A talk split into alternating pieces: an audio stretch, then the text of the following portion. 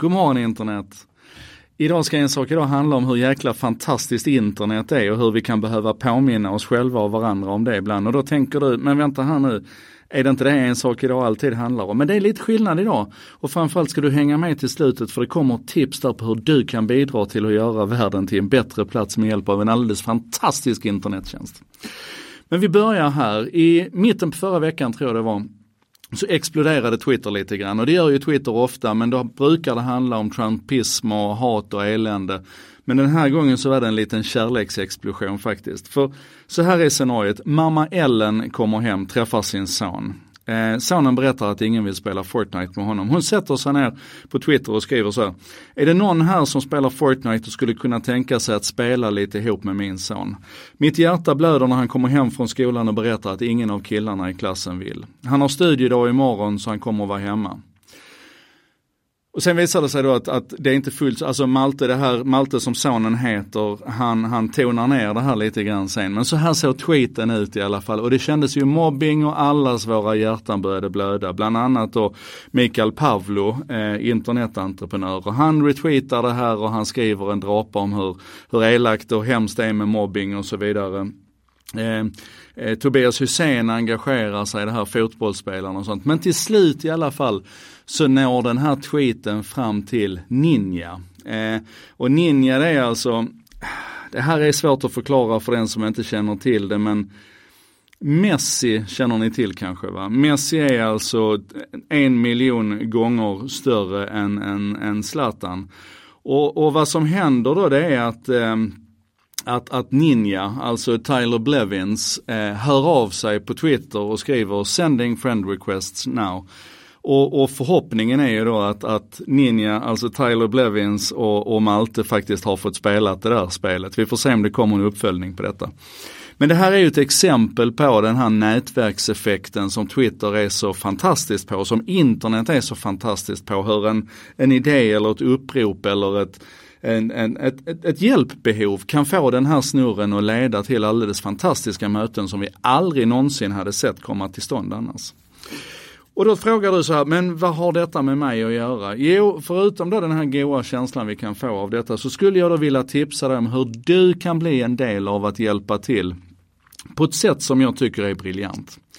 Tänk dig så här, du har en blind kompis. Eh, när du och den här blinda vännen umgås så en blind idag, eller en svårt synskadad, har ju jättegoda möjligheter att hantera väldigt mycket själv med hjälp av tekniken. Man kan läsa, man kan skriva genom att, att prata och lyssna och man kan navigera sig på olika sätt. Och så. Men det finns ändå saker som är lite besvärliga. Och då kan du till exempel hjälpa din blinda kompis och, och hitta den här röda tröjan i hela tröjhögen som kompisen vill ha. Eller att läsa innehållsdeklarationen på en eh, en, en matvara som man inte känner till sen innan och sådär.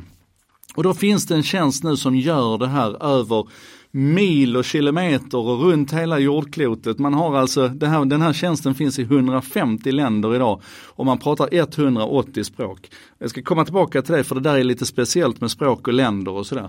Ehm, och, och, det är 95 465 blinda personer eller svårt synskadade personer som har signat upp för den här tjänsten som heter Be My Eyes. Och på andra sidan sen så finns det hisnande 1,6 miljoner volontärer som har signat upp och var den här blinda personens ögon.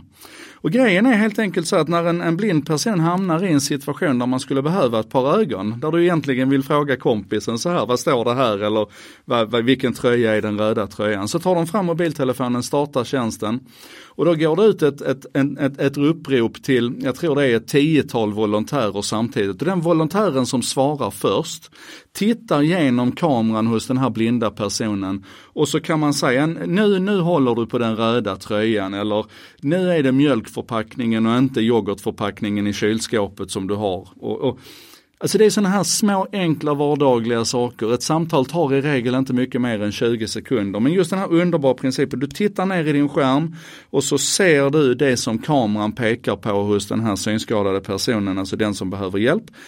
Och så berättar du vad det är de ser för någonting. Fattar du hur fantastiskt det här är? Alltså du är verkligen någons ögon, precis som tjänsten heter Be My Eyes.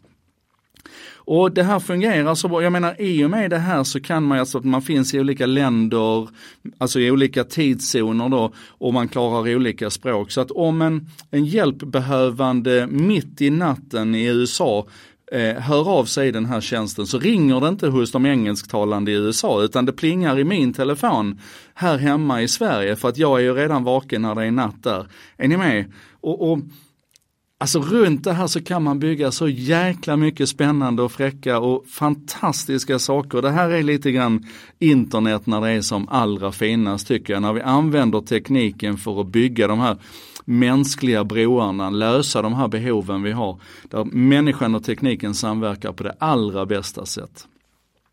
Så att när du läser historier som den om, om Ninja och, och, och Malte som ville spela Fortnite, ta den där tanken med dig och fundera på vad finns det för någonting som jag skulle kunna göra? Och hittar du ingenting annat så tycker jag åtminstone att du ska signa upp på tjänsten Be My Eyes. Eller gör det ändå, signa upp på den ändå. Och känner du någon som är blind eller svårt synskadad så tipsa dem också. Eh, det här var en sak idag, producerat av mig Joakim Jardenberg. Vi ses imorgon igen med nya spännande grejer.